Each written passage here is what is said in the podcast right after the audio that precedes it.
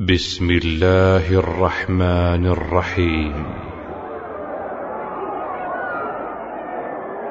سنة العراق والأعداء. شيعة العراق وإيران والمحتل الأمريكي قد تواطؤوا على ضرب السنة في تلك المنطقة. الحقد الدفين. وذكر شهود عيان أن عناصر فيلق بدر كانوا يطلقون أسلحتهم على الأهالي بينما تحلق الطائرات الأمريكية كغطاء جوي لهم. ويذكر آخرون أنه يوجد في كل محافظة جنوبية ضباط مخابرات إيرانيون وأنهم يتولون التحقيق مع الدعاة الذين يعتقلون من أبناء السنة. وقاتلوا المشركين كافة كما يقاتلونكم كافة. واعلموا أن الله مع المتقين. تصاريح قادة الثورة الإيرانية في الاحتفالات والمناسبات المتكررة بأن دول الخليج دول غير مستقلة دول غير مستقلة. ويجب تحرير مكة والمدينة ويجب تحرير مكة والمدينة من أيدي الطواغيت. بدت البغضاء من أفواههم. إن أقطار أبو ظبي وقطر وعمان والكويت والسعودية ليست دولا مستقلة بالنسبة لإيران. تقارير سرية. وتشير حجم المساعدات النقدية الإيرانية المدفوعة إلى مقتدى الصدر وحده خلال الأشهر الأخيرة أنها تجاوزت الثمانين مليون دولار أمريكي. مع العلم. فهو قليل الثقافة ثقيل الكلام. لا يستطيع أن يعبر عما يجول في خاطره بسهولة وتلقائية كشأن بقية رموز الشيعة العرب. والنتيجة؟ يقول مقتدى الصدر أريد أن يحكم العراق رجل دين شيعي سواء كان عراقيا أو إيرانيا. وأفضل أن يحكمه شخص مثل الخميني من أي عراقي علماني. مكر الليل والنهار من أجل ماذا؟ والتمهيد لخروج مهديهم وامتلاكها للقدرات النووية وتدخلها السافر في العراق ومطامعها بالنسبة لدول الخليج كاملة ما هي إلا مخططات مدونة في كتبهم. قد بدت البغضاء من أفواههم وما تخفي صدورهم أكبر. ماذا تريد إيران في العراق؟ فتحت المخابرات الإيرانية مكتبا في النجف تحت اسم مكتب مساعدة فقراء العراق الشيعة وجندت على إثره أكثر من سبعين ألف شاب من شيعة الجنوب للانضمام إلى إحدى الميليشيات الموالية لها. وكل متطوع لهذه الميليشيات تدفع له دولة إيران ألف دولار شهريا. ماذا يريدون؟ أعلن وزير الثقافة السابق مفيد الجزائري أن أكثر من نصف مليون كتاب ديني شيعي دخل من إيران يحتوي على فكر معادي للعرب بشكل عام ومعادي لأهل السنة بشكل خاص. وكذلك تم عرض صور لموقوفين تشاهد عليهم آثار الضرب والتعذيب وكذلك أظهر الفيلم صورة لرجل اقتلعت عينيه وآخر عليه آثار غرز للمسامير وصورا لأجساد كسرت أطرافها. أحد الضباط يقول لم أعد أخرج من منزلي خوفا من الاغتيال. وأضاف أنه ما لا يقل عن 36 ضابطا كبيرا أغتيلوا. ماذا يريدون؟ دفعت إيران المجاميع من خلف الحدود محفزة الناس من حولها وأعملت فيما تبقى من الأبنية الحكومية التي لم ينالها القصف الأمريكي حرقا وتخريبا وسرقة ألقت عناصر المقاومة العراقية القبض على خمسة إيرانيين وبحوزتهم خمسين كيلو جرام من مادة سيانيد البوتاسيوم القاتل. وكان هذا في مدينة الفلوجة. قرب محطة لتصفية وتوزيع المياه في المدينة. وكانوا ينمون رميها داخل المستودعات. والمعلوم أن كيلو جرام واحد من هذه المادة يكفي لإبادة وقتل مدينة كاملة. قوات القدس. وتجري قوات القدس بشكل رئيسي عمليات استخباراتية ماهرة في فن الحروب غير المألوفة وتنقسم العمليات الخارجية لقوات القدس حسب منطقة التأثير. وتعتبر المنطقة الأكثر أهمية هي العراق أولا السعودية سوريا ولبنان.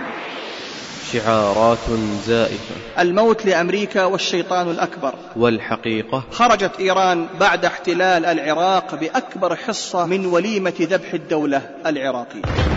لماذا العراق يا إيران؟ العراق يعتبر بوابة مهمة لتحقيق الحلم الفارسي وذلك بإقامة إمبراطورية شيعية في العالم الإسلامي والتي كان ينادي بها الخميني. إضافة إلى أن العراق يعتبر مخزون نفطي هام. يضاف للثورة النفطية الإيرانية لتصبح الحصيلة ثروة هائلة في أيدي الإيرانيين. ماذا تريد إيران في العراق؟ محاضرة للشيخ ممدوح الحربي. بسم الله الرحمن الرحيم. الحمد لله رب العالمين والصلاة والسلام على أشرف الأنبياء والمرسلين. نبينا محمد صلى الله عليه وآله وسلم. وبعد أحييكم إخواني في الله بتحية الإسلام وتحية أهل الجنة. فالسلام عليكم ورحمة الله وبركاته. وأسأل الله تعالى كما جمعنا في هذه الدنيا على طاعته أن يجمعنا في الآخرة في جنته. إنه جواد كريم. واسمحوا لي أن أتكلم هذه الليلة عن موضوع مهم جدا أحب أن أسميه بماذا تريد إيران في العراق. وحديثي سيكون تحت العناصر التالية. سوف أبدأ بمقدمة سريعة ثم أدخل في صلب الموضوع وتحت هذه العناصر سأتكلم عن شيعة العراق من الداخل ثم محاولات الاستقلال بجنوب العراق ونتكلم كذلك عن الميليشيات الشيعية في العراق والخدمات الشيعية الإيرانية الجليلة للمحتل الأمريكي. ثم نتكلم عن نشر المخدرات الإيرانية في دولة العراق والهيمنة الإيرانية والسيطرة الفكرية في العراق. ثم نتكلم عن اغتيالات الأساتذة والعلماء والضباط ورموز أهل السنة في العراق. ثم التدخل الإيراني في الانتخابات العراقية وتبعية وزارة الداخلية العراقية لدولة إيران. ثم دور المخابرات الإيرانية في الاغتيالات داخل العراق ونتكلم كذلك عن المصالح الإيرانية في العراق. ثم الخاتمة التي نسأل الله حسنها. نبدأ في المقدمة أحبابي في الله. فقد كتب أحد علماء السنة الربانيين هذه المقولة التي يقول فيها وكذلك إذا صار لليهود دولة بالعراق تكون الرافضة من أعظم أعوانهم فهم دائما ما يوالون الكفار من المشركين واليهود والنصارى ويعاونونهم على قتال المسلمين ومعاداتهم. انتهى كلام هذا العالم. وأنا أقول أحبتي في الله عندما كتب شيخ الإسلام ابن تيمية رحمة الله عليه هذه الكلمات لم يكن ما كتبه واقعا قد عاشه أو رآه وإنما بناء على ما قرأه واطلع عليه في كتب الشيعة وهو الخبير بهم رحمة الله عليه. فصاغ لنا بعقلية العالم الرباني ما يمكن أن يحدث فهذا التاريخ يشهد. وهذه الكتب تدون واليوم وبعد مرور أكثر من سبعمائة عام على هذه الكلمات المنيرة نسمع ونشاهد واقعها في العراق. طبعا لن نخوض في الماضي السياسي للخلافات الأمريكية الإيرانية ولعل شعارات الخميني البراقة التي كانت تطلق في بداية نجاح ثورة إيران أو ثورة الخميني. مثل هذه الشعارات الموت لأمريكا والشيطان الأكبر. هذه الشعارات يكذبها دعمه لميليشيات أمل لقتل اللاجئين الفلسطينيين في دولة لبنان. ولعل شعار العدو الصهيوني كان يقابلها تصاريح قادة الثورة الإيرانية في الاحتفالات والمناسبات المتكررة بأن دول الخليج دول غير مستقلة ويجب تحرير مكة والمدينة من أيدي الطواغيت. ولعل انتهاك حرمة البيت العتيق وتهريب المتفجرات إليه في عامي 86 و 87 لدليل على ما تكنه صدورهم من حقد دفين على أهل السنة. أما عن أهمية منطقة الخليج بالنسبة لأمريكا فهو معلن عنها منذ سنين طويلة. ولا صديق لأمريكا في العالم إلا مصالحها فلا للقيم ولا للأخلاق ولا للإنسانية ولا حتى للسعودية أو للكويت أو غيرهما في عرفهم ميزان المصلحة فقط حيث جاء في تقرير للبنتاغون في عام 1995 للميلاد. يقول هذا التقرير إن أعلى وأهم مصلحة أمنية للولايات المتحدة في منطقة الشرق الأوسط هي الحفاظ على تدفق النفط دون عائق من منطقة الخليج إلى أسواق العالم وبأسعار مستقرة. فحوالي سبعين في المئة من احتياطي النفط في العالم يقع في منطقة الشرق الأوسط. ولذلك يزيد اعتماد الولايات المتحدة الأمريكية وشركائها الاقتصاديين العالميين أكثر فأكثر على نفط منطقة الخليج.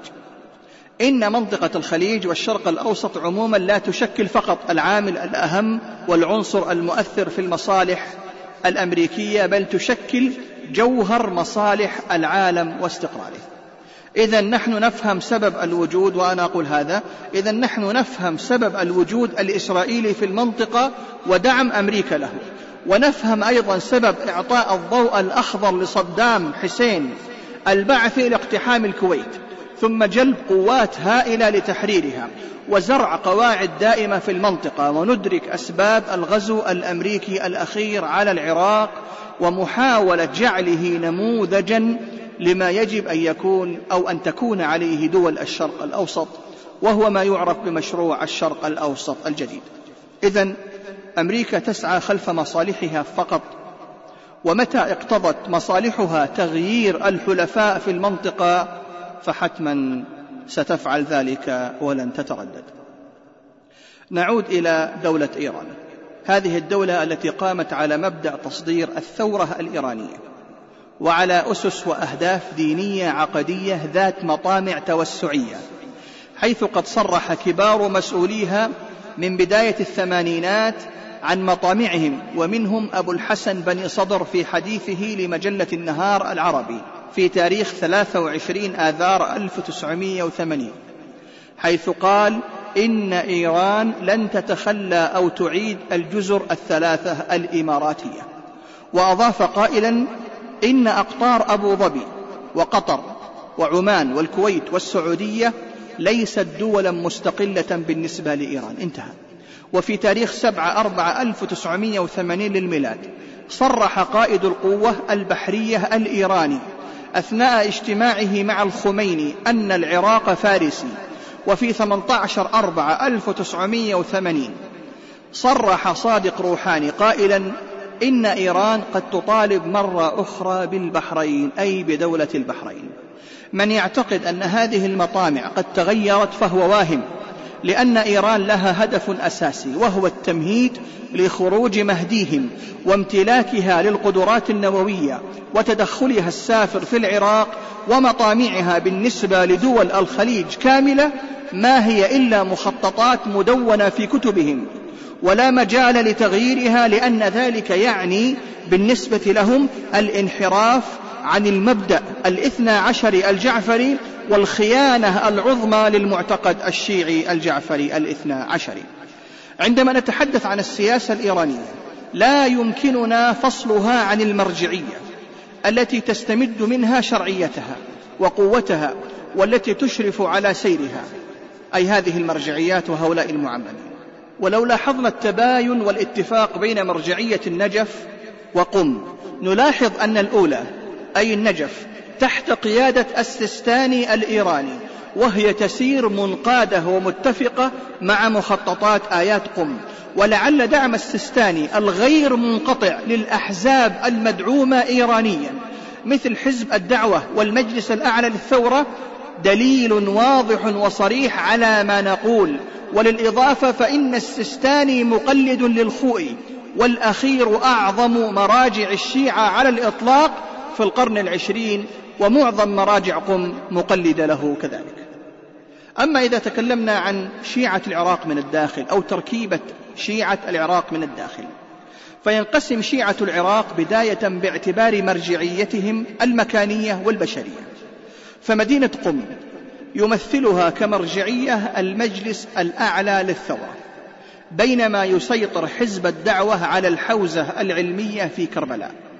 وأما منظمة العمل الإسلامي فتعتمد مرجعية النجف وبالأخص محمد صادق الشيرازي وبين المدن الثلاثة قم وكربلاء والنجف تنافس كبير في جذب وسحب الشيعة ذلك بالإضافة إلى تعدد المرجعيات العلمية التي يختص كل منها بأتباع ومقلدين وللتأكيد على هذا الزحام المرجعي فإن بوابة المرقد المزعوم للحسين بن علي رضي الله عنهما في كربلاء مغطاة تقريبا بملصقات دعائية كثيرة لرجال دين متنافسين يقيم بعضهم في العراق وآخرون في دولة إيران. ومن التقسيمات التي أحدثت شرخا في داخل البناء الشيعي التفرقة بين شيعة الداخل وشيعة الخارج. فشيعة الداخل تعتبر نفسها أنها تحملت المشاق وعانت الكثير من نظام صدام البعثي. وفي مقدمة هؤلاء بالطبع تيار الصدر. في حين أن التيارات الخارجية مارست نشاطها في ظروف إيجابية وتلقت الدعم من قوى عظمى مثل الولايات المتحدة الأمريكية. وعلى سبيل المثال فإن عبد العزيز الحكيم زعيم المجلس الأعلى للثورة الإسلامية الذي عاش في الكويت أكثر من 23 سنة قبل أن يعود إلى العراق على ظهر دبابة أمريكية. وينبغي هنا إخواني في الله إثبات خطأ الادعاء بأن كل الشيعة كانوا يعانون من نظام صدام. كثير من الإخوة يظن أن كل الشيعة كانوا يعانون من النظام البعثي الصدامي. وهذا غير صحيح. فقد كان قرابة الخمسة وثمانين في المئة من كوادر حزب البعث في محافظات الجنوب العراقية ونسبة كبيرة من شاغلي المناصب الحكومية هم من الشيعة الاثنى عشرية. وقد نقل ذلك جريدة وصحيفة الحياة في 6 12 عام 2004 للميلاد. وبالنظر إلى قضايا الشورى والولاية عند شيعة العراق فإن هناك خلافات واضحة بين المجلس الأعلى ومنظمة العمل الإسلامي من ناحية وبين المجلس وحزب الدعوة من ناحية أخرى. وأصل الخلاف يرجع إلى تأثر المجلس بالرؤية الإيرانية للدولة الإسلامية الشيعية. كما أن منظمة العمل تأسست أصلا نتيجة الخلاف مع حزب الدعوة حول تلك القضايا. أما تيار الصدر فبعد أن كان ينادي بتعريب استمع جيدا أخي في الله كان ينادي بتعريب بعد أن كان ينادي بتعريب أو تعريق أي جعل الوجهة عراقية بعد أن كان ينادي بتعريب أو تعريق المرجعيات الدينية تغير موقفه من إيران.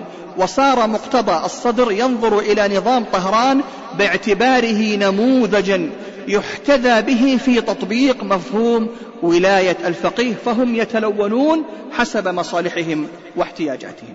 ولهذا يقول مقتضى الصدر يقول أريد أن يحكم العراق رجل دين شيعي سواء كان عراقيا أو إيرانيا وأفضل أن يحكمه شخص مثل الخميني من أي عراقي علماني. انتهى كلامه ويلاحظ طبعا استبعاده لأن يحكم العراق رجل من أهل السنة. طبعا في المقابل فإن السيستاني يرفض مبدأ ولاية الفقيه وقد أصدر فتوى قبل الاحتلال مباشرة ينادي فيها بابتعاد رجال الدين عن الشؤون الإدارية والتنفيذية والسياسية.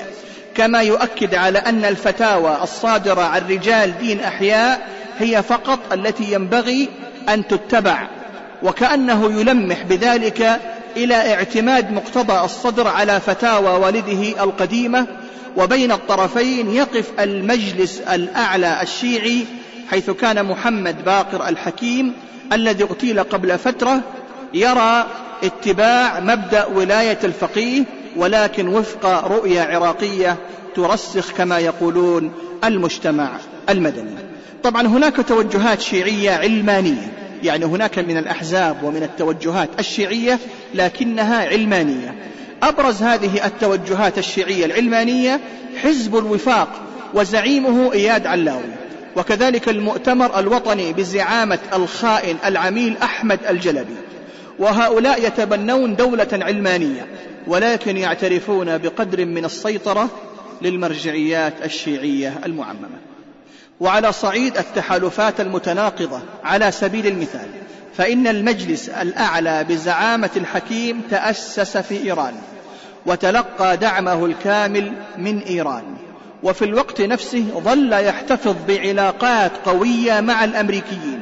بل إن عبد العزيز الحكيم زعيم المجلس كان يتولى لسنوات طويلة من الكويت مهمة التنسيق مع الجانب الأمريكي في جهود إسقاط نظام صدام البعثي. ولكن عندما تحقق لهم ما يريدون بغزو العراق أعلن باقر الحكيم مؤسس المجلس إدانته للهجوم الأمريكي وحذر الأمريكيين من المقاومة المسلحة إذا بقوا في العراق بعد صدام. أما السستاني فقد تم مدحه والثناء عليه من قبل المسؤولين الأمريكيين لأنه اتخذ موقف الحياد الإيجابي من الاحتلال. أقول اتخذ موقف الحياد الإيجابي من الاحتلال وذلك بعد أن كان في شهر سبتمبر عام 2002 للميلاد قد أصدر فتوى يقول فيها إن من يساعد الأمريكان سيحيق به العار في الدنيا ويلقى العقاب في الآخرة.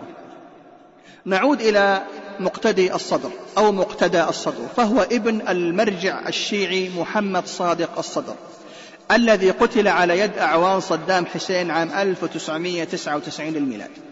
وقد تبنته قوة في إيران بعد وفاة والده لتهيئه وتعده لما بعد عهد صدام. ولكن يبدو أن إمكاناته الشخصية أقل من الدور الذي رسم له فهو قليل الثقافة ثقيل الكلام لا يستطيع أن يعبر عما يجول في خاطره بسهولة وتلقائية كشأن بقية رموز الشيعة العرب. وحداثة سنه تجعله يتصرف بقدر زائد من الثقة البالغة التي قد تصل في بعض الأحيان إلى حد الغرور. وقلة علمه تجعله يتلعثم عندما يتعرض لشيء من دقائق الأمور. فكل إمكاناته هو أنه ابن للمرجع الشيعي الكبير محمد صادق الصدر. وعلاقات مقتضى الصدر ببقية رموز الشيعة تتراوح بين الفتور والنفور فهناك خلاف بينه وبين السيستاني وبين جماعة الحكيم فهما يمثلان شيعة العراق الذين يعتبرون أنفسهم الأصل بين الشيعة في العالم فمنشأ الطائفة في العراق وما يسمى بعتباتها المقدسة واقعة في مدن العراق بين الكوفة والنجف وكربلاء. طبعا وعلاقة الصدر بما يسمى بالمجلس الأعلى للثورة الإسلامية يشوبه الكدر حيث سئل في حوار له مع قناة الجزيرة الفضائية عن موقفه من ذلك المجلس فقال باللفظ ما أعرف شيئا عنه ما أعرف شنو أهدافه شنو نتائجه شنو اللي يريد هل هو مأذون من الحاكم الشرعي إلا إحنا مأذونين منه؟ لا أنا ما أعرف لم أتصل به ولم أحاول وعندما سئل عن مدى رضاه عن الدور الذي يقوم به ذلك المجلس فقال أي دور؟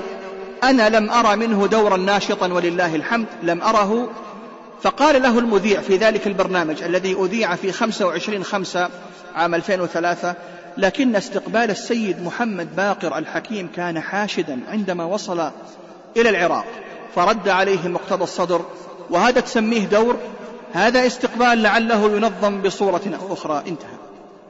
أما عما يعرف بالتيار الخوئي في العراق فهناك مؤشرات قوية تدل على أن مقتضى الصدر له يد في اغتيال شيخ هذا التيار عبد المجيد الخوئي عند عودته إلى العراق بعد الاحتلال.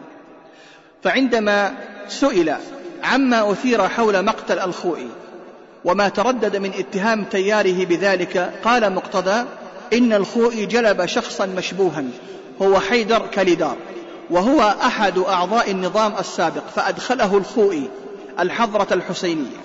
بعد أن جاء الخوئي على ظهر دبابة الكلام ما زال لمقتضى الصدر فأدخله الخوئي الحضرة الحسينية. بعد أن جاء الخوئي على ظهر دبابة بريطانية بعد الاحتلال وقال أي مقتدى كانت للخوئي تصرفات شحنت الشعب العراقي كله ضده. لأن الشعب العراقي كله كان محبا للسيد الصدر. انتهى كلامه. فأدلى أحبتي في الله بما يشبه الاعتراف. أي أن مقتضى الصدر أدلى وصرح بما يشبه الاعتراف بأن الخوئي كان ينبغي أن يقتل. أما إذا تكلمنا عن محاولات الاستقلال بجنوب العراق محاولات استقلال الشيعة وإيران بجنوب العراق فقد نشرت صحيفة الحياة في 6 12 2004 للميلاد تحقيقا بالغ الأهمية عن جهود تشييع الجنوب. ذكرت فيه أن هناك حملة للتطهير الطائفي أدواتها وآلاتها الاغتيالات والخطف ومصادرة المساجد والأوقاف السنية وإدارة مؤسسات الدولة وعلى رأسها الأجهزة الأمنية على أساس مذهبي وحزبي. انتهى كلام هذه الصحيفة. واللافت هنا أن الأطراف الثلاثة شيعة العراق. وإيران والمحتل الأمريكي. قد تواطؤوا على ضرب السنة في تلك المنطقة. فهناك اعتداءات متتالية ينفذها عناصر فيلق بدر ضد السنة في مناطق متعددة منها اللطيفية جنوب العراق. وذكر شهود عيان أن عناصر فيلق بدر كانوا يطلقون أسلحتهم على الأهالي بينما تحلق الطائرات الأمريكية كغطاء جوي لهم. ويذكر آخرون أنه يوجد في كل محافظة جنوبية ضباط مخابرات إيرانيون وأنهم يتولون التحقيق مع الدعاة الذين يعتقلون من أبناء السنة. ولا يخفى تدفق أعداد هائلة من الشيعة عبر الحدود المفتوحة مع إيران لتغيير التركيبة السكانية. وذلك بالحصول على هويات مزورة وجنسيات عراقية مزورة بدعوى أنهم من العراقيين الذين نفاهم صدام إلى إيران أيام الحكم البعثي الصدامي وحقيقة الأمر أن أغلب هؤلاء ينتمون إلى إيران ولكنهم يقومون بدورهم في تغيير نسبة السكان. ومن ثم يمكنهم الرجوع إلى بلدهم بعد انتهاء الانتخابات العراقية. كما تم تسليم مليون إيراني بطاقات انتخابات مزورة للتلاعب بنتيجة الانتخابات. ومن ناحية أخرى فإن التعداد السكاني الذي كان من المقرر تنفيذه في شهر أكتوبر تم تأجيله لأسباب غير معروفة وغير مفهومة واعتمد في تسجيل الناخبين على البطاقة التموينية التي يسهل تزويرها وفي المقابل تعرض السنة في العديد من المناطق لمداهمات يومية من قبل الحرس الوطني العراقي واجهة فيلق بدر والاستيلاء على الأوراق الثبوتية لمنعهم من دخول الانتخابات. وقد أعلن عبد العزيز الحكيم زعيم المجلس الأعلى استعداده لتوفير مئة ألف عنصر من فيلق بدر لكي يساعد الحكومة العراقية في تأمين المراكز الانتخابية العراقية. وقد بدأ منذ فترة التلويح بالاستقلال الذاتي للجنوب عن طريق عدد من المحاولات منها الإعلان عن إقامة إقليم جنوب العراق في محافظات البصرة وميسان وذي قار. وهذا من خلال مؤتمر عقد في البصرة في 26 12 2004 للميلاد. وشارك فيه شخصيات شيعية مستقلة وقيادات سياسية ومسؤولون حكوميون ورؤساء عشائر. وادعى الإعلان أن إقامة الإقليم تستند إلى الفقرة جيم من المادة 53 من قانون إدارة الدولة الذي أصدره الاحتلال الأمريكي. وكانت قرابة 600 شخصية شيعية بارزة يمثلون محافظات الفرات الأوسط. الفرات الأوسط وهي النجف وكربلاء وبابل والقادسية والمثنى. قد عقدت اجتماعا بحثت فيه تشكيل مجلس موحد تمهيدا لإقامة حكم ذاتي في إطار عراقي فيدرالي. ومن أخطر ما جاء في البيان الصادر عن الاجتماع تأكيده لضرورة إيجاد آفاق للتعاون الإقليمي مع الدول المجاورة. لهذه المحافظات. طبعا المقصود من ذلك هي دولة إيران. وزادت إيران من دعمها لما يسمى بالمعارضة العراقية الموجودة في الساحة الإيرانية. وما أن سقطت بغداد بأيدي قوات الاحتلال في 9 4 2003 حتى تكرر المشهد الدامي نفسه الذي حصل في عام 1991 حيث دفعت إيران المجاميع من خلف الحدود محفزة الناس من حولها وأعملت فيما تبقى من الأبنية الحكومية التي لم ينالها القصف الأمريكي حرقا وتخريبا وسرقة. وكررت حرق الإرشيف الحكومي العراقي الخاص وهو المتخصص بتثبيت الجنسية والأملاك ونهب المصارف والمعامل والمخازن. ولا ينكر الدور الذي لعبته بعض المرجعيات الدينية وبالأخص من الأصول المرجعيات التي هي من الأصول الإيرانية الفارسية في التشجيع على عمليات السرقة وتمرير شرعيتها من خلال إجازتها الاستحواذ على أموال الدولة وفتواها غير العلنية من أن السرقة من الدولة حلال لأن الدولة سنية ناصبية كافرة. كما صرح المسؤول السابق عن الملف العراقي في إيران في حديث له إلى صحيفة الشرق الأوسط في يوم ثلاثة أربعة 2004 للميلاد بأن المخابرات الإيرانية بتنظيماتها المتعددة قد أنشأت في العراق أكثر من ثمانية عشر مكتبا تحت مسمى واجهات خيرية لمساعدة الفقراء وتوزيع الإعانات الطبية والغذائية والمالية وقال إن مخصصات تلك المكاتب تزيد على أكثر من سبعين مليون دولار أمريكي منها حوالي خمسة ملايين دولار أمريكي يتصرف بها رجال الدين من الشيعة الموالين لإيران في داخل العراق. انتهى كلامه. وقد نتج عن مساعي التغلغل الإيرانية القديمة والحديثة أن أصبح لها حضور مباشر في دولة العراق سياسيا واقتصاديا وأمنيا. وهي تسعى من خلال ذلك إلى إقامة جسور مع مختلف القوى في الساحة العراقية وتوظف نفوذها التقليدي على بعض الحوزات العلمية الشيعية للنفاذ إلى توجيه السياسات هناك بما يخدم المصالح الإيرانية. وفي عام 2004 للميلاد أعلن نائب قائد الحرس الثوري الإيراني خلال زيارته للندن بأن إيران لديها في العراق الآن لواء من المجندين لصالحها داخل العراق ولها علاقة مع فصائل أخرى لضمان حماية الأمن القومي الإيراني. وفي أربعة إحدى 2004 فتحت المخابرات الإيرانية مكتبا في النجف تحت اسم مكتب مساعدة فقراء العراق الشيعة وجندت على إثره أكثر من سبعين ألف شاب من شيعة الجنوب للانضمام إلى إحدى الميليشيات الموالية لها. وكل متطوع لهذه الميليشيات تدفع له دولة إيران ألف دولار شهريا وكذلك تدفع له ألفي دولار كمقدمة عندما ينضم إلى هذه الميليشيات. وذكرت مجلة التايم في عدد آب لعام 2005 للميلاد.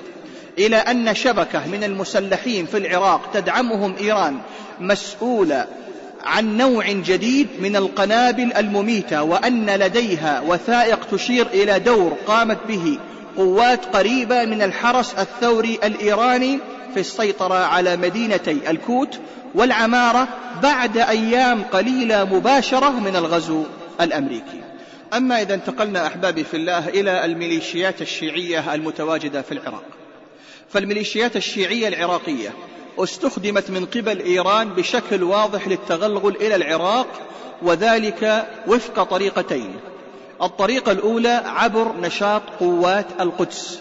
أقول عبر نشاط قوات القدس وهو القسم الخاص للحرس الثوري الإيراني. والطريقة الثانية هي تمويل وتسليح الميليشيات الشيعية العراقية وخاصة الجناح العسكري لحزب المجلس الأعلى للثورة الإسلامية. وهو ما يعرف بمنظمة بدر للتعمير والتنمية التي يبلغ عدد أفرادها أكثر من 25 ألف مسلح. وتشير بعض التقارير السرية إلى أن الضباط الإيرانيين يشرفون على عمليات سرية تحت غطاء منظمة بدر ويستقبل جيش المهدي مساعدات كذلك إيرانية لكن أقل نسبيا من بدر والقدس. إضافة إلى أن قائد الحرس الثوري وهو الجنرال يحيى رحيم صفوي. هذا هو قائد الحرس الثوري. بينما يتولى الجنرال محمد باقر منصب نائب القائد. أما الجنرال قاسم سليمان فهو قائد قوات القدس. والجنرال محمد باقر وكذلك الجنرال سليمان مسؤولان عن برنامج إيران السري في العراق. ولهما اتصال مباشر بمكتب المرشد الأعلى للثورة الإيرانية. إضافة إلى ذلك فقد ذكرت بعض التقارير. وفق ما ورد في مجلة الراسط وهي مجلة متخصصة في الشأن الشيعي أن أربعة جنرالات في الحرس الثوري وتسعة عقداء في الحرس الثوري مسؤولون مسؤولية مباشرة عن العمليات العسكرية السرية في العراق. وتجري قوات القدس بشكل رئيسي عمليات استخباراتية ماهرة في فن الحروب غير المألوفة وتقدر التقارير قوتها الحالية بأكثر من خمسة ألاف عنصر أكثرهم ضباط مدربون في داخل العراق. وضمن قوات القدس هناك وحدة صغيرة يطلق عليها قوات القدس الخاصة التي تضم ضباطا محترفين. وتعمل هذه القوات إخواني في الله بشكل رئيسي خارج الأراضي الإيرانية. لكن تبقى معظم قواعد التدريب ومعسكرات التدريب لهذه القوات داخل دولة إيران. وتنقسم العمليات الخارجية لقوات القدس حسب منطقة التأثير. وتعتبر المنطقة الأكثر أهمية هي العراق أولا السعودية سوريا ولبنان. أما الأقل أهمية فهي أفغانستان وباكستان والهند وتركيا والجمهوريات الإسلامية في الاتحاد السوفيتي السابق ودول أوروبا وأمريكا الشمالية ودول شمال أفريقيا وبالذات مصر تونس الجزائر السودان المغرب. الواضح في حديث التغلغل والاختراق الإيراني. الأمر الواضح فيه أن هدف طهران هو اختراق كل الميليشيات العراقية. من خلال دعم وتدريب أعضائها. جيش المهدي على سبيل المثال. يتلقى دعما ماديا ولوجستيا من إيران. كما يتلقى أعضاؤه تدريبا في معسكرات الحرس الثوري الإيراني. كما دربت معظم قوات منظمة بدر في المعسكرات نفسها. وقوات القدس تستخدم ست معسكرات تدريب في إيران. أهمها موجود في جامعة الإمام علي في شمال العاصمة طهران. كما توجد المعسكرات الرئيسية الأخرى في مدينة قم وتبريز ومشهد كما يوجد معسكران على الحدود السورية اللبنانية. وتشير التقارير إلى أن ضباط الحرس الثوري الإيراني يعملون حاليا في العراق داخل الميليشيا والجيش النظامي ووحدات الشرطة العراقية. ودرجة اختراق هذه المنظمات من الصعب تقويمها والإحاطة بها. فمن المستحيل عمليا التمييز بين الميليشيا الشيعية العراقية ووحدات الشرطة فكلاهما متأثران بدولة إيران. كما تمارس المنظمات الخيرية الإيرانية دورا ملحوظا في تمويل المستشفيات والمؤسسات الاجتماعية. إضافة إلى المساجد وملاجئ الأيتام وخدمات اجتماعية أخرى. ومن خلال تكوين شبكة اجتماعية في العراق عبر استخدام الوكلاء أو بأسمائهم الخاصة. كما تمارس المنظمات الخيرية مثل مؤسسة المستضعفين ومؤسسة الإمام الرضا ومؤسسات الشهداء تأثيرا هائلا حيث يبلغ تمويلها حوالي أكثر من مليون دولار. وهناك منظمات أخرى مثل مؤسسة الرفاهية الاجتماعية والمؤسسة الاقتصادية الإسلامية ومؤسسة التعمير والإسكان وحتى الهلال الأحمر الإيراني. واستخدم كذلك كواجهة استخدمتها منظمة القدس التابعة للحرس الثوري لتأسيس خلايا مسلحة تحت الأرض في جنوب العراق. كل هذه المنظمات إخواني في الله هيأت المجال لزيادة التأثير والنفوذ الإيراني في دولة العراق المستقبلية. أما إذا تكلمنا عن الخدمات الشيعية الإيرانية الجليلة للمحتل الأمريكي ومنها فتوى السيستاني بعدم تعرض قوات الاحتلال وعدم عرقلة مسيرتها أي مسيرة الاحتلال عند دخوله العراق. دعم السيستاني لجميع القرارات الأمريكية في العراق منها الانتخابات. قانون الدولة العراقية الانتقالية الدستور. سكوت السيستاني خدمة للمحتل الأمريكي في كثير من المواضع الحساسة التي تتطلب تدخله كرجل دين يتبعه الملايين منها. على سبيل المثال لا الحصر خروجه من النجف إلى لندن. بدعوى العلاج وذلك لرفع الحرج عن المرجعية والتي بعدها بساعات دنست القوات الأمريكية والبريطانية أقدس أراضي الشيعة ومراقدهم وهو ما يعرف بالصحن الحيدري سكوت السستاني المشين والمهين على جرائم أبو غريب وما حصل في الفلوجة وتجاهله لنداءات علماء المسلمين السنة في العراق لوقف أتباعه من ارتكاب جرائم حرب داخل المناطق السنية وعدم إشعال الحرب الطائفية. فتوى السستاني بدخول النار لمن لم يشارك بالانتخابات ودعمه للقوائم الشيعية الصفوية الإيرانية وفتواه الشهيرة بحرمة الدخول للأراضي العراقية وذلك لمنع من يريد أن يقف مع إخوانه العراقيين في داخل العراق. تصريح هاشم رفسنجاني بعد سقوط حركة طالبان بقوله القوات الإيرانية قاتلت طالبان وساهمت في دحرها ولو لم نساعد قواتهم أي القوات الأمريكية. في قتال طالبان لغرق الأمريكيون في المستنقع الأفغاني ويجب على أمريكا أن تعلم أنه لولا الجيش الإيراني الشعبي ما استطاعت أن تسقط طالبان. انتهى كلامه. وهذا ما حصل تماما بالعراق. فالمجلس الأعلى للثورة وحزب الدعوة أحزاب إيرانية الانتماء واجتماعاتهم بالأمريكان معروفة ومعلن عنها قبيل الحرب على العراق. ولعل باقر الحكيم كان يفتخر بقدومه على دبابة أمريكية كذلك من تعاونهم المشين مع المحتل أثناء حرب أفغانستان تحدثت صحيفة النيويورك تايمز عن رسالة سرية من الحكومة الإيرانية إلى واشنطن تتعهد فيها إيران مساعدة الجنود الأمريكيين الذين قد يجدون أنفسهم في وضع طارئ على أراضيها بعد عمليات فاشلة في أفغانستان. كذلك كتبت أزادا كيانتيابو وهي الخبيرة في الشؤون الإيرانية والأستاذة في العلوم السياسية في جامعة باريس بعد اعتداءات 11 سبتمبر عام 2001 بأنه قد حدث تقارب في المصالح الإيرانية الأمريكية في منطقة الخليج وأضافت أن حربا في الخليج ستساهم في تعجيل هذا التقارب وهذا ما حصل بعد أربع سنوات من تصريح هذه الخبيرة. إضافة إلى اجتماع سري بين ملالي من إيران وأعضاء في الكونغرس الأمريكي في بداية الحرب على العراق عقد في سويسرا وكان ذلك لتقريب وجهات النظر. إضافة من أنواع التحالف. كانت طهران أول من اعترف بالحكومة الانتقالية العراقية التي عينتها أمريكا بالعراق. وفي ذلك يقول جلال طالباني في لقاء له عبر قناة العراقية. يقول إن الحكومة التي نصرتها أمريكا موالية لإيران. كذلك ثلاث سنوات والمخابرات الإيرانية ترتع وتلعب وتشتري وتبيع وتزرع عملاءها بمرأى ومسمع من الأمريكان أنفسهم.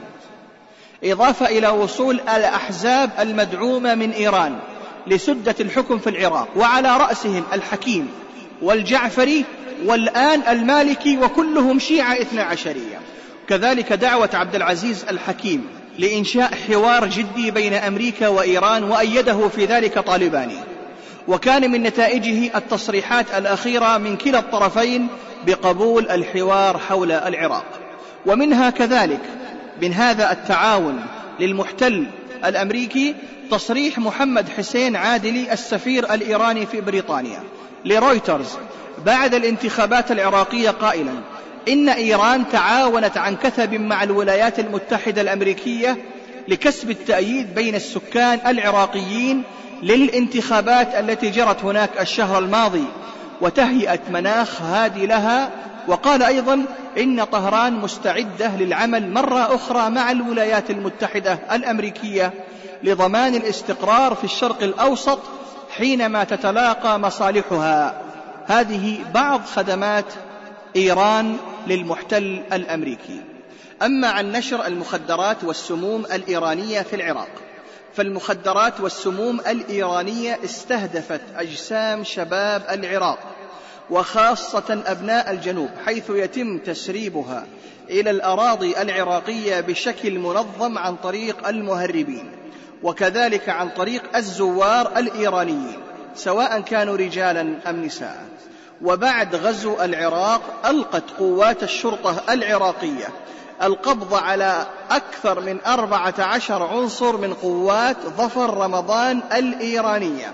وبحوزتهم أكثر من خمسة وأربعين كيلو جرام من الحشيش الإيراني. كانوا يخططون لتوزيعها على الزوار في النجف وكربلاء. وقد أعلن في حينها حازم الشعلان وزير الدفاع العراقي السابق عن إلقاء القبض على عميل في المخابرات الإيرانية سوداني الجنسية. وبحوزته عدة كيلوغرامات من مواد شديدة السمية كان الهدف منها إلقاؤها في شط الحلة لتسميم المواطنين كجزء من خطة تصعيد النعرة الطائفية وإشعال الصراع المسلح بين مكونات وأفراد الشعب العراقي. كما أعلنت جمعية مكافحة المخدرات في العراق أن العراق سيحتل مرتبة الصدارة في قائمة الدول المستهلكة للمخدرات بعد أن كانت الدولة الأولى من حيث خلوها من تلك السموم قبل الاحتلال إضافة إلى انتشار مرض الإيدز بشكل كبير بين أبناء الجنوب العراقي. وكذلك أشارت التقارير إلى أنه في يوم 9 5 2005 ألقت عناصر المقاومة العراقية القبض على خمسة إيرانيين وبحوزتهم خمسين كيلو جرام من مادة سيانيد البوتاسيوم القاتل وكان هذا في مدينة الفلوجة. قرب محطة لتصفية وتوزيع المياه في المدينة. وكانوا ينمون رميها داخل المستودعات. والمعلوم أن كيلو جرام واحد من هذه المادة أقول كيلو جرام واحد وليس خمسين كيلو. كيلو جرام واحد من هذه المادة يكفي لإبادة وقتل مدينة كاملة. وفي تسعة أربعة ألفين وخمسة. ضبطت وزارة الصحة العراقية خمس شاحنات محملة بالأدوية الفاسدة ومنها أدوية منع الحمل وكان المراد منها توزيعها على المناطق السنية. أما عن الهيمنة الإيرانية والسيطرة الفكرية في العراق فإن إيران تسعى إلى تغيير طريقة التفكير عند الشيعة أنفسهم العراقيين.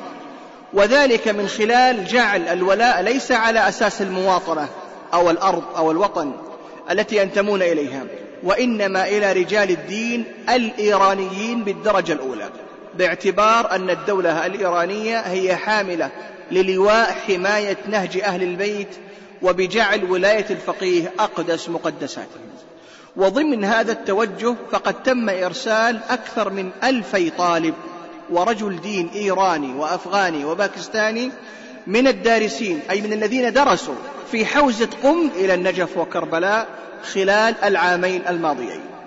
وثلث هؤلاء هم من المرتبطين بأجهزة المخابرات الإيرانية. وقد عين خامئني ممثلين ووكلاء في المدن الشيعية حيث يتولى هؤلاء دفع الرواتب الشهرية إلى أكثر من سبعة آلاف طالب ومدرس من أجل احتوائهم وأخذ البيعة منهم لخامئني باعتباره قائد الأمة ونائب إمام الزمان ويحصل الطالب منهم ما بين خمسين إلى مئة دولار شهريا.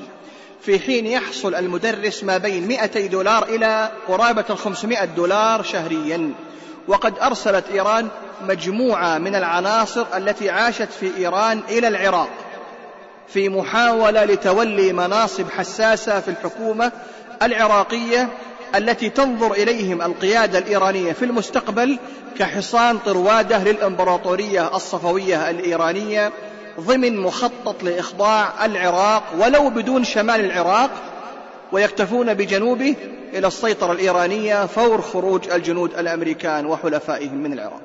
وكذلك فإن وزير الداخلية السابق فلاح النقيب يحتفظ بملفات حصل عليها عن حوالي 35 عضوا من أعضاء الجمعية الوطنية الانتقالية لهم انتماء إيراني. وخلال الانتخابات الإيرانية الأخيرة جميعهم صوتوا للرئيس الإيراني الجديد أحمدي نجادي في المراكز الانتخابية التي تم فتحها في العاصمة بغداد. ولهذا فإن إيران لها وجود قوي وعلني في المحافظات ومنها المحافظات الجنوبية وكذلك وجود قوي وسري في بغداد إضافة إلى حضورها في شمال العراق من خلال الآلاف من الأكراد والشيوعيين الإيرانيين وكذلك الوفود والبعثات الثقافية مع زرع عملاء الاستخبارات. وهناك كذلك اتفاق متبادل مع الأكراد العراقيين. حيث يلتزم الطرف الإيراني بعدم التدخل في الشؤون الكردية وعدم ملاحقة الأكراد الإيرانيين المعارضين الموجودين في شمال العراق مقابل أن لا تسمح السلطات الكردية بنشاط مسلح للأكراد الإيرانيين ضد النظام الإيراني انطلاقا من العراق.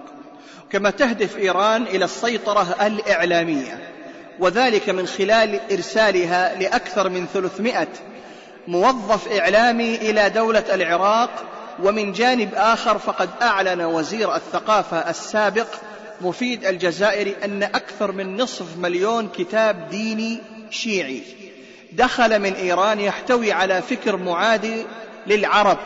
بشكل عام ومعادي لأهل السنة بشكل خاص. ويمكرون ويمكر الله والله خير الماكرين.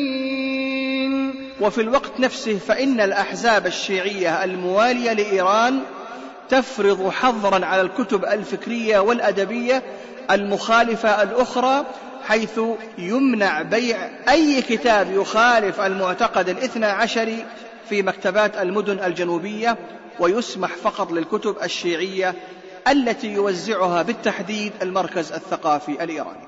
أما عن اغتيال أهل السنة كاغتيال الأساتذة والعلماء والضباط ورموز أهل السنة فبعد سقوط النظام السابق ابتدأت أعمال القتل والاغتيالات بشكل غير مألوف في المجتمع العراقي. واستهدفت هذه الأعمال شرائح مختلفة من المجتمع العراقي. تضمنت أساتذة الجامعات وعلماء الدين والأطباء وضباط في الجيش العراقي السابق وبعض الطيارين الذين شاركوا في الحرب العراقية الإيرانية. لم يسلم حتى الطيارون الذين شاركوا في الحرب العراقية الإيرانية القديمة. وتعددت في حينها الاتهامات عن الجهات التي تقف وراء هذه الجرائم. ولكن مع مرور الزمن اتضح أن إيران والأحزاب الشيعية الموالية لها تقف وراءها وفي حينها تعهد أحد رموز المشروع الصفوي في العراق لوزير الداخلية الإيراني علانية بالثأر والانتقام أشد الانتقام من العراقيين الذين قاتلوا إيران في فترة الحرب العراقية الإيرانية. وهذا ما رأيناه جميعا خلال سنين الاحتلال.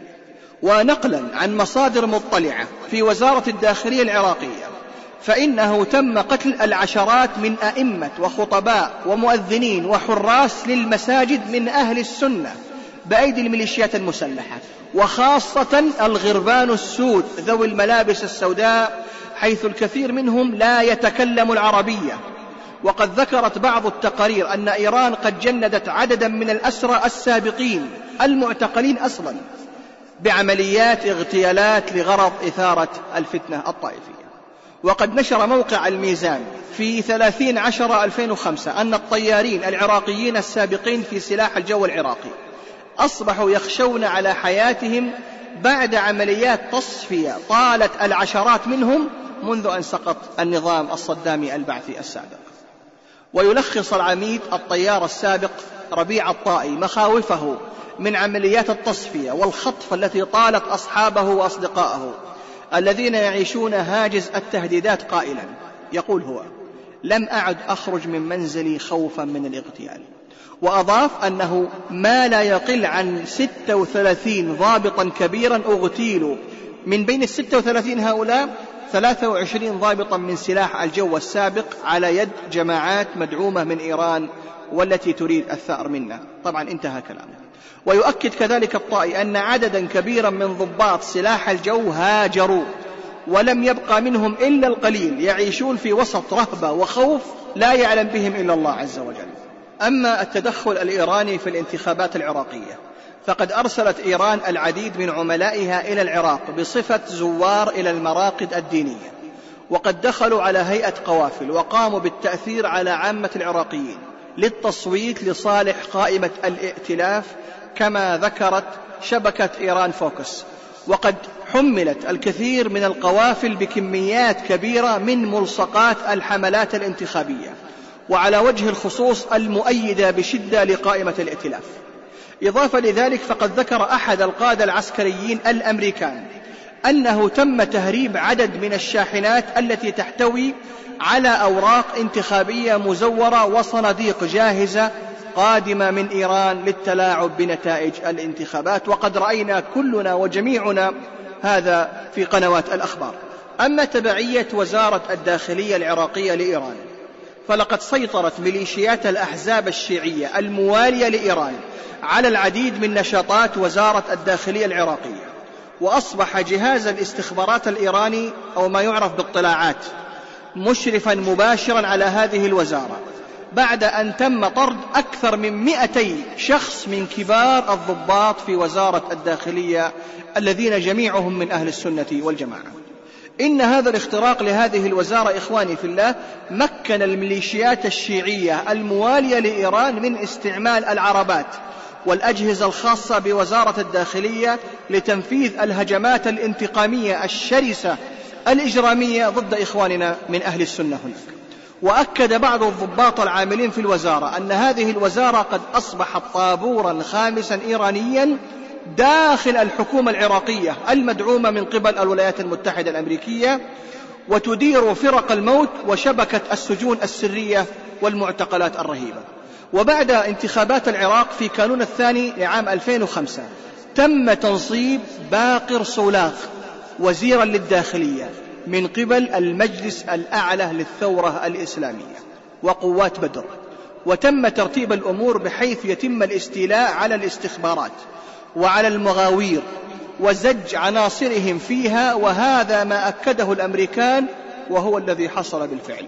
من جانب آخر فقد قال المشرف السابق للقوات الخاصة العراقية اللواء منتظر السامرائي أنه شهد أمورا مروعة داخل مراكز الاعتقال العراقية التابعة لوزارة الداخلية العراقية متهما قوات بدر بالقيام بأعمال التعذيب فيها. وذكر هذا اللواء السامرائي إن جميع المسؤولين الكبار في وزارة الداخلية كلهم أعضاء في المجلس الأعلى للثورة الإسلامية وحزب الدعوة. أما المعتقلون فجميعهم من أهل السنة. ورجال الشرطة جميعهم يتحدثون اللغة الفارسية فيما بينهم. وأردف قائلا أما الذين يقومون بعملية التعذيب فجميعهم إيرانيون. أو عراقيون كانوا يقيمون في إيران. جاءوا إلى العراق بعد الاحتلال الأمريكي. وذكر على سبيل المثال مساعد الوزير والمسؤول عن السجون السرية واسمه بشير ناصر اللواندي والذي حصل على الجنسية العراقية فقط في عام 2004 حسب ما صرح بذلك اللواء منتظر السامرائي وأشار إلى أنه تم منح العديد من العناصر الدخيلة من الفرس على وزارة الداخلية برتب عسكرية وهمية. وبين السامرائي أن جيش الاحتلال الأمريكي يعلم بما يحدث حيث أن عمليات الاعتقال تجري خلال المداهمات الليلية وتحت غطاء منع التجول. وقدم اللواء السامرائي فيلما مسجلا عن إحدى المداهمات الليلية لمغاوير وزارة الداخلية باستخدام سيارات وزارة الداخلية العراقية. وكذلك تم عرض صور لموقوفين تشاهد عليهم آثار الضرب والتعذيب وكذلك أظهر الفيلم صورة لرجل اقتلعت عينيه وآخر عليه آثار غرز للمسامير وصورا لأجساد كسرت أطرافها وقال السامرائي إن وزير الداخلية العراقي صولاغي قد عين أكثر من سبعة عشر ألف عنصر من ميليشيات بدر كأفراد شرطة في وزارته وهؤلاء جميعهم يتلقون رواتب من طهران. ونتيجة لمعلومات وردت إلى الأمريكان فقد قامت قوات الاحتلال الأمريكية بحملة مداهمة إلى عدد من المعتقلات السرية التابعة لوزارة الداخلية وكشفت المآسي التي يتعرض لها المعتقلون من إخواننا وأبنائنا من أهل السنة والجماعة.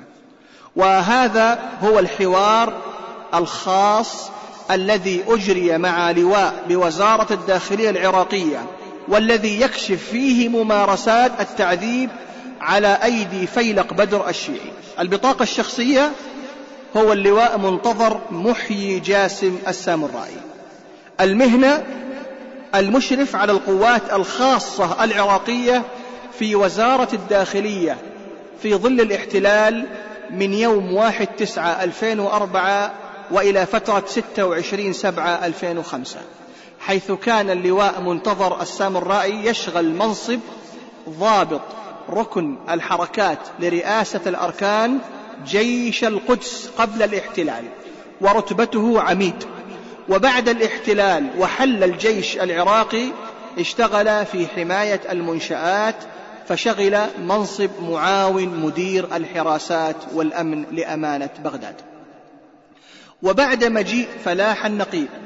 في زمن إياد علاوي تم دعوة الراغبين بالالتحاق بالجيش العراقي من ضباط الجيش العراقي للالتحاق بالحرس الوطني والشرطة العراقية. فالتحق هذا اللواء وهو السامرائي بوزارة الداخلية في دائرة العمليات في وزارة الداخلية بتاريخ 1 9 2004 وكان عدد الضباط الذين التحقوا قرابة السبعمائة وخمسين ضابط.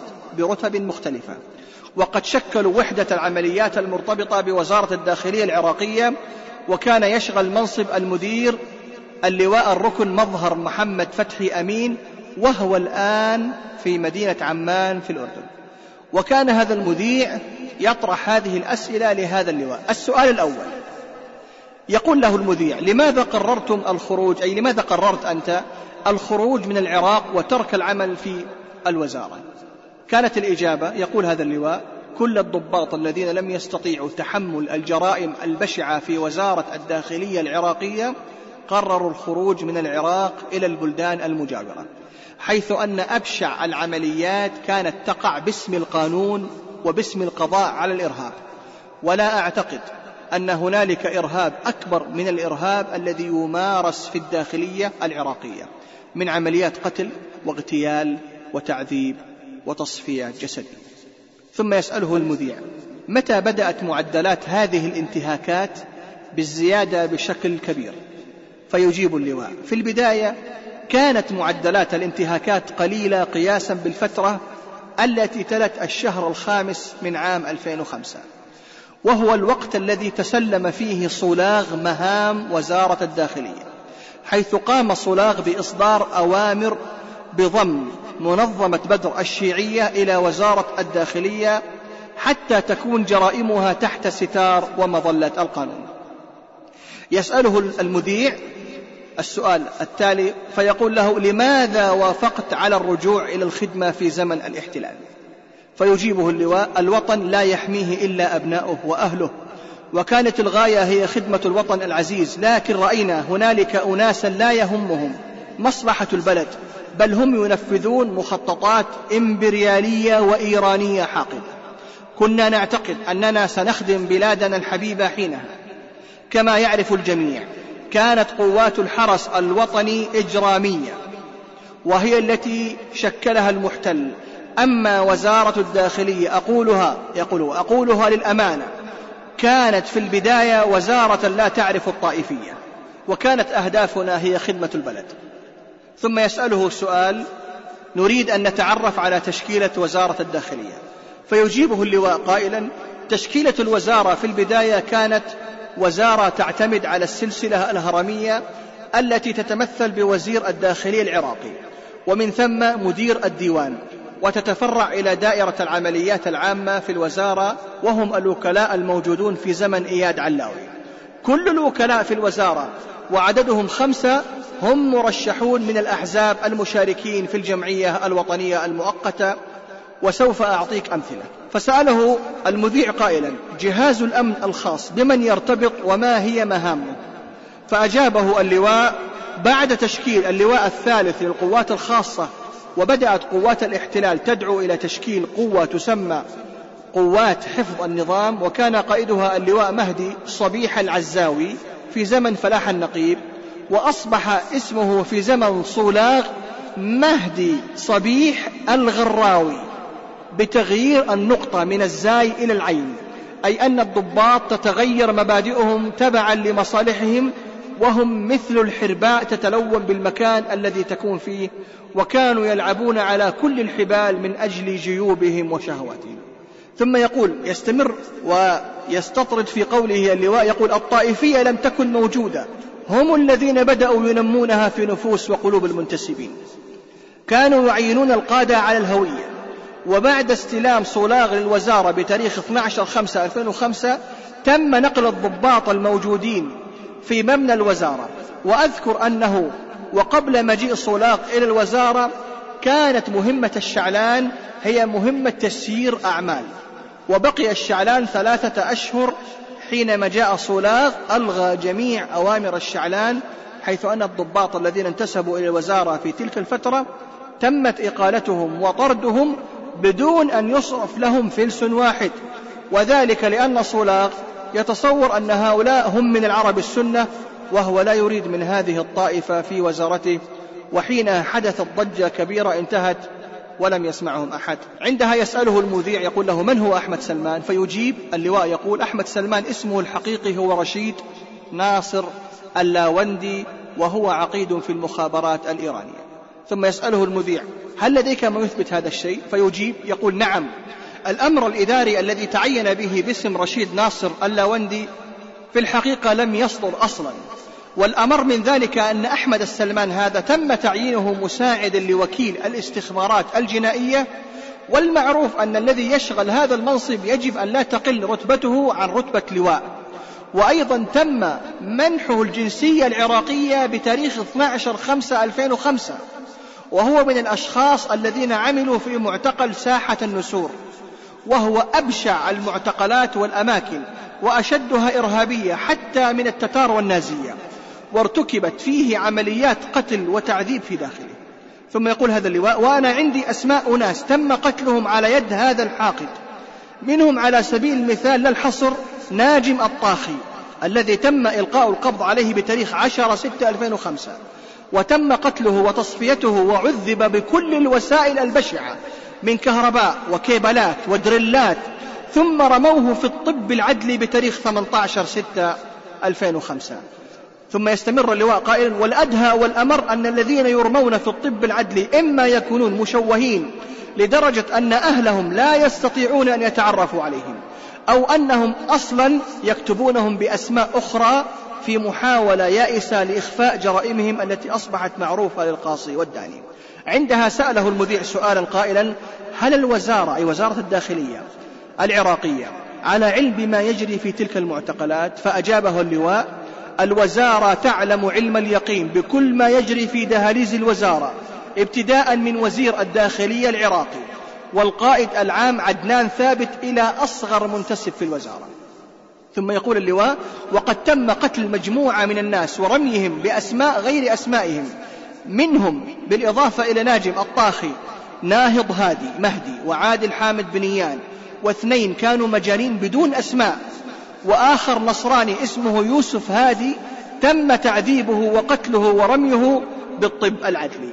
هذا بالإضافة إلى عمليات الابتزاز التي كان يمارسها المحققون مع أهالي المعتقلين حتى أن الدقيقة دقيقة الاتصال الواحدة من الجوال أو الموبايل وصل إلى عشر أوراق يعني ما يعادل ألف دولار يعني عشر أوراق من فئة المئة دولار. يعني ألف دولار حتى يتمكن الأهالي من الاطمئنان على أولادهم وعلى أبنائهم.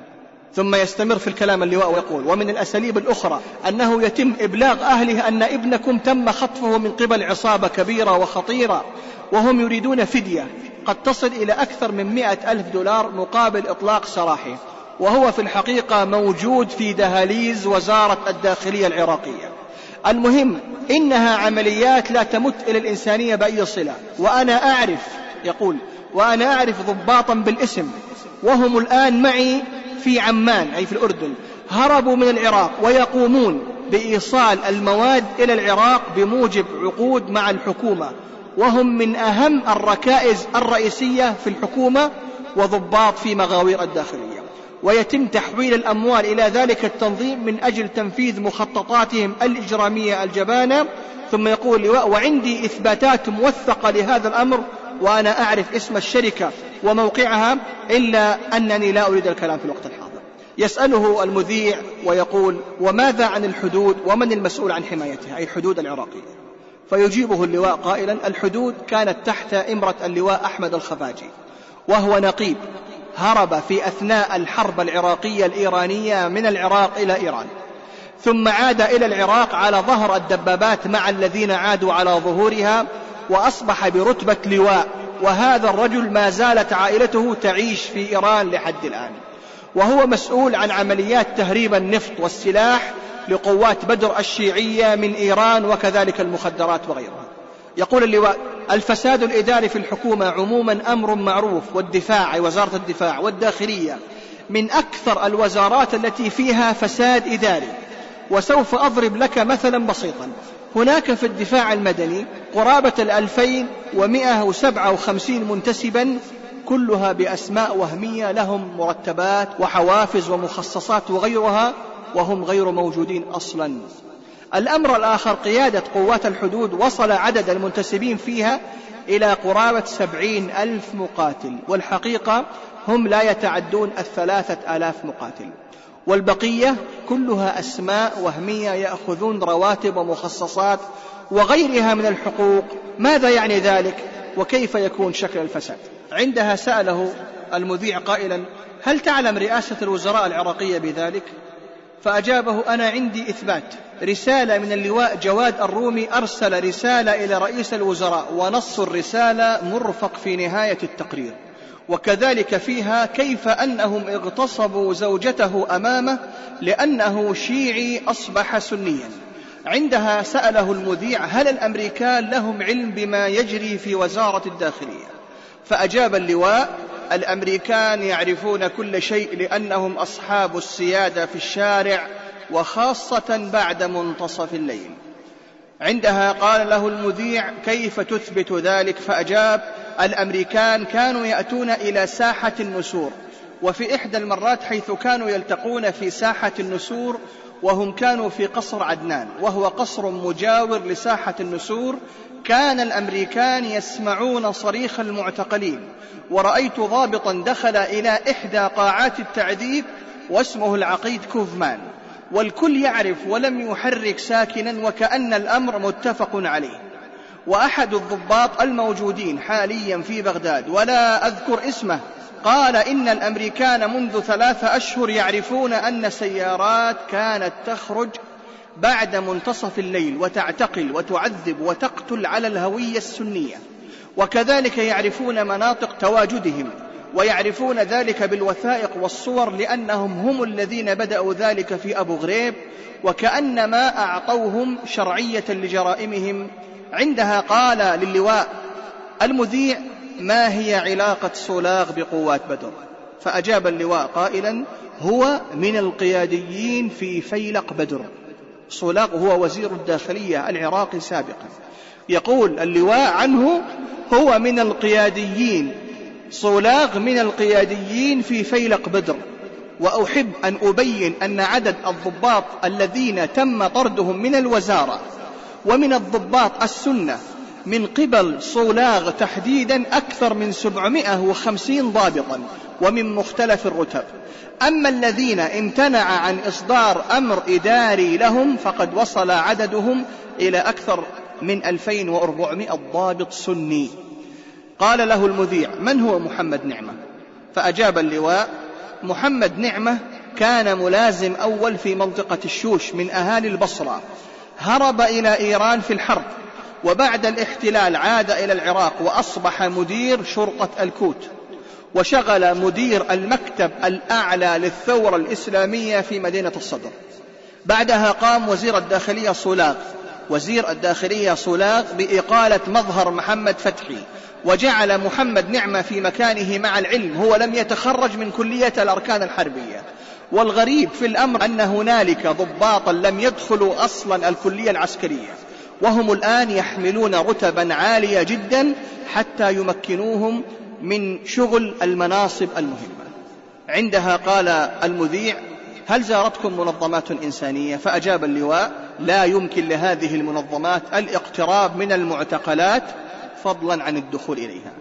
وهنا ينتهي الحوار الذي أجري مع اللواء السابق بوزارة الداخلية العراقية منتظر السامرائي أما عن دور المخابرات الإيرانية في الاغتيالات التي تجري في العراق فإن المخابرات الإيرانية تقوم منذ سقوط النظام البعثي في عام 2003 بحملات اغتيالات شملت شرائح مختلفة من الشعب العراقي. منهم البعثيين السابقين ومنتسب الأجهزة الأمنية السابقة والحالية وبعض كبار ضباط الجيش والطيارين والأطباء والكفاءات العلمية العراقية.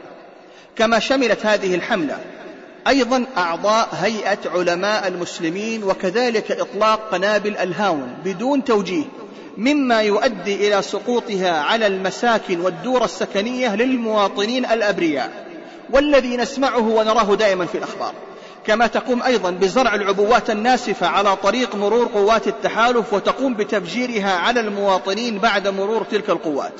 ولأجل تنفيذ عمليات الاغتيال المذكورة قامت هذه المخابرات بإدخال عناصر الأحزاب الشيعية والمنظمات الموالية لإيران في دورات خاصة داخل دولة إيران تتمحور مواضيعها حول عملية جمع المعلومات والتفجيرات وعمليات الاغتيالات وأسندت عمليات التخريب والاغتيالات لتلك الأحزاب والمنظمات الشيعية التي قامت بدورها بتشكيل ما يسمى بمفارز تصفية للقيام بتلك الأعمال حيث قامت بواجبها ولا زالت تقوم على أكمل وجه وقد تم تكريم بعض من رؤساء المفارز لتحقيقهم أرقاما كبيرة في عمليات الاغتيال من قبل رؤساء تلك الأحزاب والمنظمات. وقد أنيطت مسؤولية الاغتيالات أيضا إلى ما يسمى بلجان العلاقات العامة في تلك الأحزاب والمنظمات.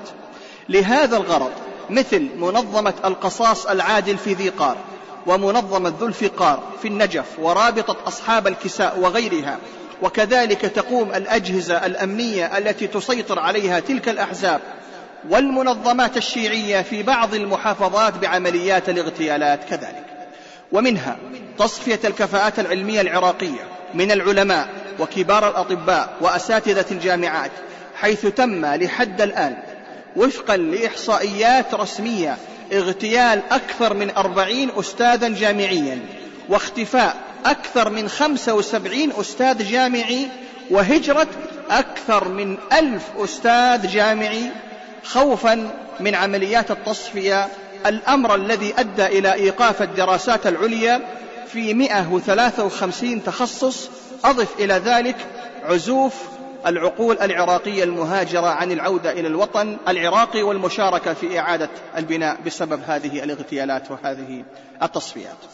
أما عن الهدف من اغتيال كبار ضباط الجيش والطيارين فهو لكونهم يملكون خبرة وأقصد بذلك ضباط الجيش والطيارين من أهل السنة فهو لكونهم يملكون خبرة حرب طويلة امتدت ثمان سنوات وأدت إلى القضاء على أسطورة الجيش الإيراني أثناء الحرب العراقية الإيرانية. أما عن أساليب الاغتيالات التي تطبق في حق أهل السنة فغالبا ما يتم الاغتيال عند خروج الشخص المستهدف من منزله صباحا لعمله أو لأداء صلاة الفجر في الجامع أو مساء وأحيانا أخرى في محل عمله الخاص من قبل عدة أشخاص. غالبا ما يرتدون ملابس ذات لون أسود وغالبا يكونون ملثمين ويتراوح عددهم من شخصين إلى ثمانية أشخاص. عادة يستقلون سيارة صالون وأحيانا ميني باص ما يسمى بالميني باص ويستخدمون أسلحة نارية خفيفة إما بندقية أو ما يسمى بالغدارة أو بالرشاش الكلاشينكوف أو ال M 16 ويتم التنفيذ بشكل مباغت وتسبق عملية الاغتيال مرحلة الاستفسار والترصد عن محل سكن الضحية البريئة والتأكد من ذلك ثم المراقبة. وبعدها يتم القرار في وقت ومكان القتل. وهناك طريقة أخرى للاغتيال وهي أن يتم اقتياد الضحية البريئة من منزله بحجة التحقيق في استخبارات الشرطة أو من قبل وزارة الداخلية العراقية أو ما يعرف بالمغاوير. وبعد يوم أو يومين يتم العثور عليه مقتولا ومتروكا في أحد السيارات أو الشوارع أو المناطق المعزولة وهذه الطريقة غالبا ما تستعمل في محافظة البصرة لأن السلطة فيها للأحزاب الشيعية الموالية لدولة إيران بشكل كامل وهذا الذي نراه ونسمعه كل يوم في وسائل الأخبار. أما إذا تكلمنا عن المصالح الإيرانية في العراق ما هي المصلحة الإيرانية في العراق؟ ما هي مصلحة دولة إيران في العراق؟ أقول العراق يعتبر بوابة مهمة لتحقيق الحلم الفارسي وذلك بإقامة إمبراطورية شيعية في العالم الإسلامي والتي كان ينادي بها الخميني. هذا هو الهدف الذي يمثل حلم إيران الشيعية منذ حدوث ما يعرف بالثورة الخمينية. إضافة إلى أن العراق يعتبر مخزون نفطي هام.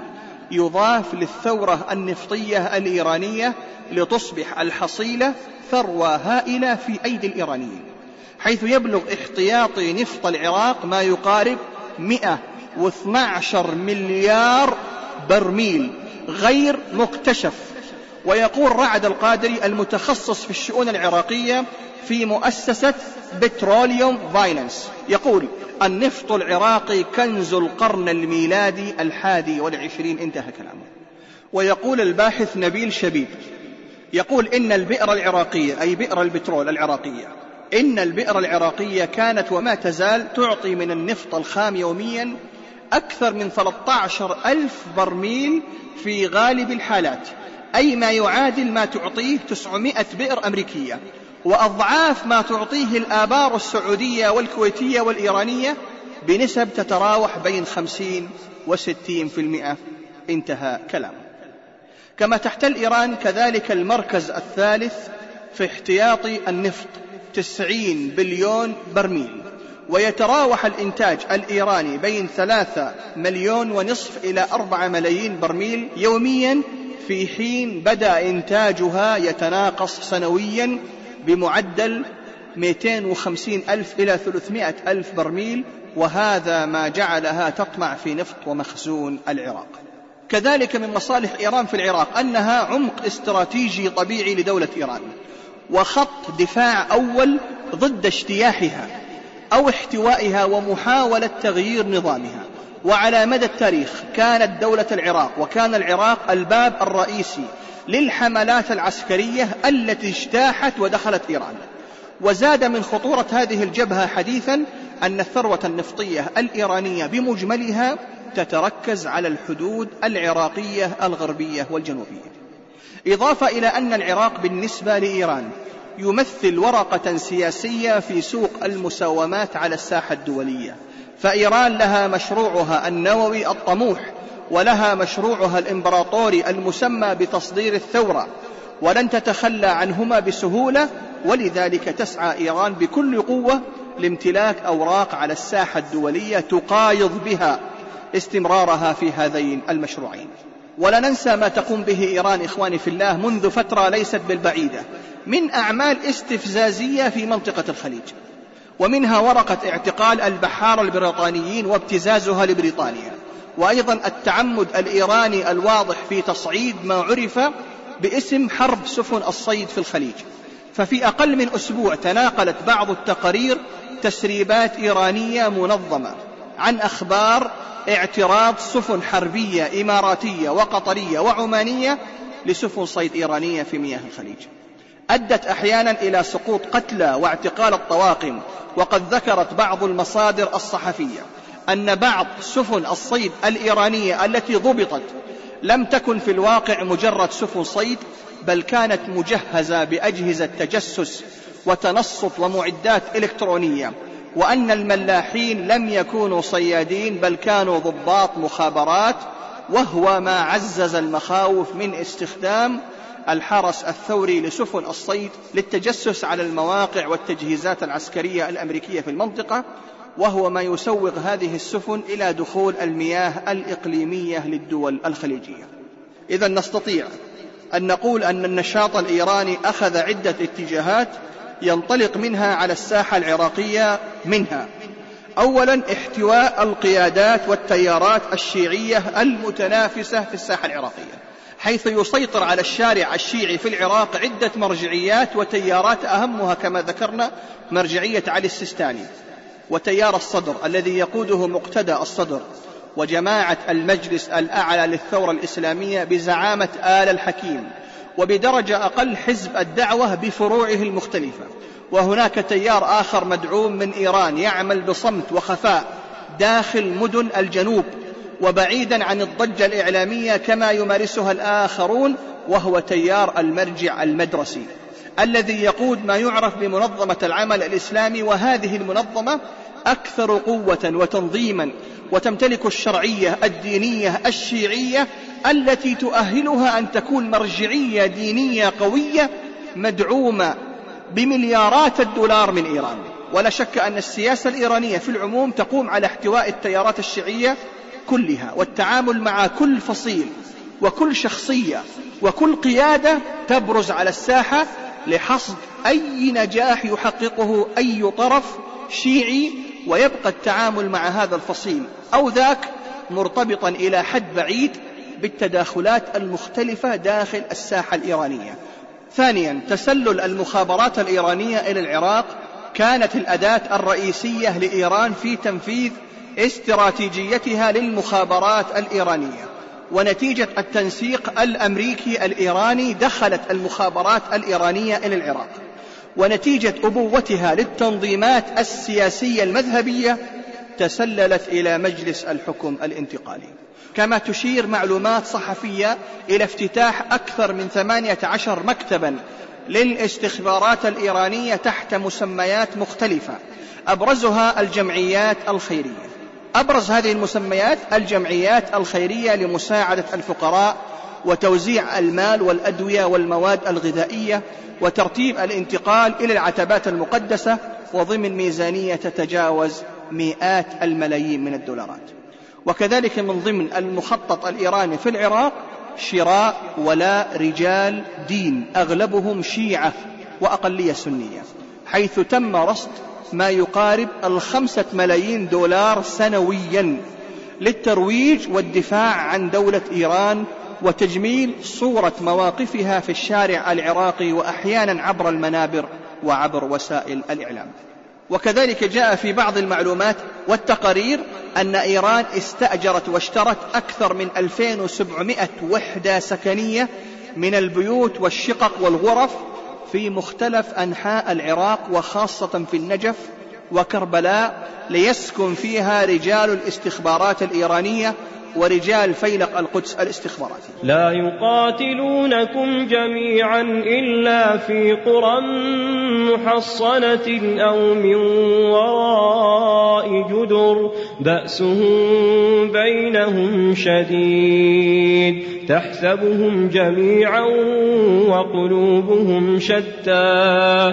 ذلك بأنهم قوم لا يعقلون. ثالثا تدفق الأفراد والأموال على العراق من إيران وتشير حجم المساعدات النقدية الإيرانية المدفوعة إلى مقتدى الصدر وحده.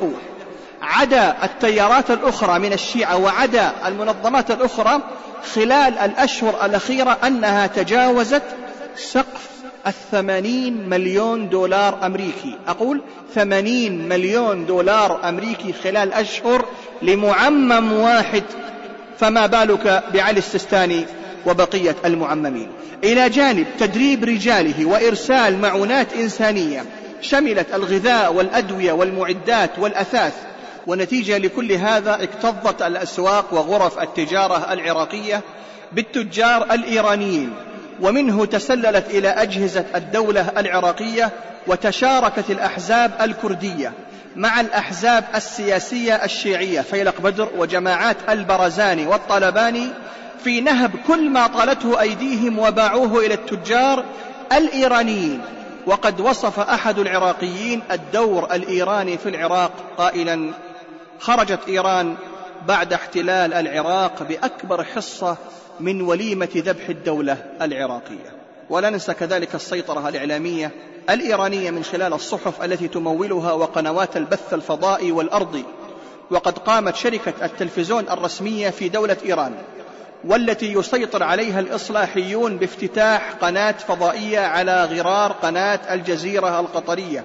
باسم العالم تبث باللغة العربية من محطات تقوية على طول الحدود العراقية لكسب تأييد العراقيين وتتحدث بعض التقارير الصحفية عن وجود 300 إعلامي إيراني بشكل دائم في العراق وفي الختام أحبابي في الله أختم بمسألة مهمة جدا وهي وجوب الالتفاف حول ولاة أمرنا من العلماء والأمراء في هذه الدولة السعودية. وفقها الله لكل خير. لا بد من أن نكون لحمة واحدة وصفا واحدا مع أمرائنا وعلمائنا في طاعة الله. ولنحذر من أولئك المرجفين الذين يريدون أن يفرقوا بين المسلمين وبين أمرائهم وعلمائهم لأن الخطر قريب والعدو يتربص بنا الدوائر وهو في غاية الدهاء والمكر والخبث. هذا ما تيسر إخواني في الله وأسأل الله تعالى أن يحفظ أهل السنة في كل مكان وأن يحفظهم في دينهم وأهليهم ودمائهم وأعراضهم وأبنائهم إنه جواد كريم. والحمد لله رب العالمين. وترقبوا. وترقبوا. وترقبوا. جرائم الشيعة عبر التاريخ لفضيلة الشيخ ممدوح الحربي.